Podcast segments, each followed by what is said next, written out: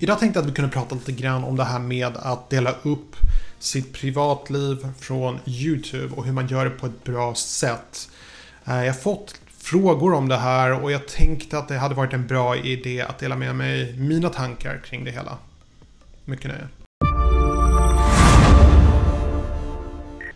Hej och välkommen till min kanal. Mitt namn är Tommy och jag hjälper dig att bemästra social media idag. Om du är ny här, glöm inte att hashtag nyprenumerant så jag kan välkomna dig ordentligt. Lite kort om mig själv. Jag jobbar som konsult. Jag hjälper små och stora företag att utvecklas och jag har en akademisk bakgrund inom marknadsföring. Um, så dagens ämne handlar om YouTube och ens privatliv. Uh, jag skulle vilja även sätta in en till kategori här och det är jobb. Uh, om vi lägger YouTube åt sidan för en stund så har vi arbete och privatliv. Och jag vet inte hur ni gör, men jag personligen eh, jag brukar inte vara speciellt detaljerad och dela med mig personliga privata problem och issues på jobbet. Och eh, hemma är det väldigt sällan som jag faktiskt pratar om vad som händer på jobbet. Mest för att jag tror inte min fru är intresserad, men mest för att jag inte känner för att diskutera jobbrelaterade saker. När jag kommer hem så är jag hemma, när jag är på jobbet är jag på jobbet. Och that's it. och när det gäller YouTube, så jag vet att det är väldigt många som i princip gör hela sitt privatliv till sitt YouTube-content. Och jag är personligen lite tveksam kring om det är en väldigt bra idé eller inte. För att jag har sett väldigt många människor som lider av det. När deras liv blir offentligt så har de plötsligt inget privatliv längre. Så för mig personligen, jag sätter eh, en väldigt tydlig gräns mellan eh, mitt privatliv och eh, YouTube. Det finns vissa saker jag berättar. Jag har berättat att jag har fru, jag har berättat att vi bor i hus, att vi har tre katter. Men Eh, jag försöker inte gå in så mycket på detaljer och eh, ni har aldrig sett min fru heller. Och det är mycket möjligt att jag kommer visa upp henne någon dag om hon vill vara med.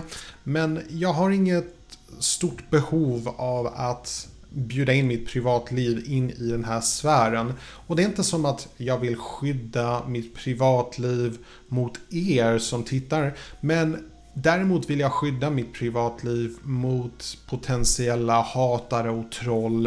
Eh, jag är bara inte intresserad av det och jag vet att många som tycker det är roligt att eh, skicka hot och så vidare. Bara för att se och få någon få panik i princip. Och jag är bara inte intresserad av att bekymra mig om den biten. Så därför tycker jag det är viktigt att dela upp mitt privatliv från YouTube. Det är därför jag till exempel också kör med en pseudonym och inte mitt riktiga namn. Det är därför jag inte berättar så mycket om vart jag bor i Helsingborg. Jag har berättat att jag bor i Helsingborg men det känns som att där räcker det. Jag behöver inte berätta så mycket mer. Och på det sättet så känns det som att jag har mitt privatliv i fred, om jag säger så. Eh, hur ni väljer att göra, det är helt upp till er. Jag vet att vissa av er har väldigt eh, personliga bloggar. Eh, jag skulle ändå uppmana till att man är lite försiktig och inte delar med sig precis vad som helst. Utan håller vissa saker för sig själv. Och det kan vara en väldigt bra idé att man väldigt tidigt på sin kanal etablerar vad som är okej okay att prata om och vad som inte är okej okay att prata om. Jag är helt för det här med ett öppet och ärligt um, liv på YouTube. Men seriöst, det är inte säkert och tryggt. Vi har faktiskt vår personliga integritet att tänka på och eh, jag hade inte tipsat om att berätta precis vad som helst. Så vi säger att ni befinner er i en situation där någonting hemskt har hänt. Någon har dött, någon har gjort slut med er. Ska ni dela med er när det gäller någonting sånt. Jag tror att om ni använder YouTube som ett terapiföremål, som ett verktyg för att bearbeta saker i livet, så absolut, berätta. Men kanske gå inte in så jättedjupt in på detaljer. Gå väldigt övergripande. Ja, hon gjorde slut med mig. Ja, hon lämnade mig. Men Gå inte in så jättemycket på varför och så vidare och avslöja inte allt för mycket saker om vad du tycker och tänker kring den personen. För det kan orsaka sorg i det riktiga livet. Um, det, det, är tyvärr en sån situation att det man säger på nätet, oavsett om det är Instagram, Twitter eller YouTube, det blir offentligt. Allting ni gör och säger och visar upp på YouTube blir offentligt. Alla kan se det. Och därför finns det ett visst ansvar. Och man måste så att säga vara beredd att ta konsekvenserna av vad man faktiskt gör offentligt.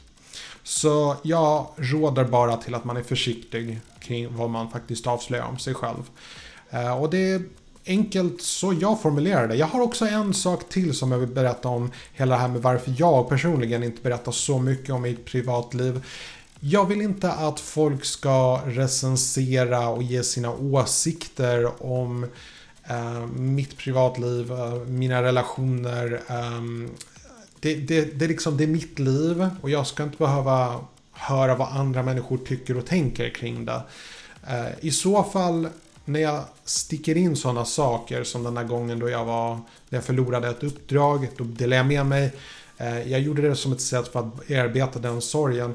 Och då fick jag den responsen jag behövde. Jag fick stöd från er och det är, det är helt okej. Okay. Men återigen, om ni kommer ihåg den videon. Jag delar inte med mig speciellt mycket detaljer. Jag tog med de viktigaste punkterna men inte alls vilket ställe det var eller vad den riktiga orsaken var och så vidare. Jag höll det väldigt um, allmänt om jag säger så. Och jag tycker det är den bästa approachen. Berätta allt men gå inte in på detaljerna. Um, det är mitt råd, det är mitt tips. Eh, ni får jättegärna kommentera nedan och säga vad ni tycker kring det här och hur ni personligen sköter ert, eh, er uppdelning av privatliv och YouTube. Berättar ni allt eller har ni vissa gränser? Jag är faktiskt rätt nyfiken på att veta hur ni gör. Det var allt jag hade för idag. Passa på att önska er en trevlig fortsatt dag och så ses vi förhoppningsvis imorgon samma tid. På återseende.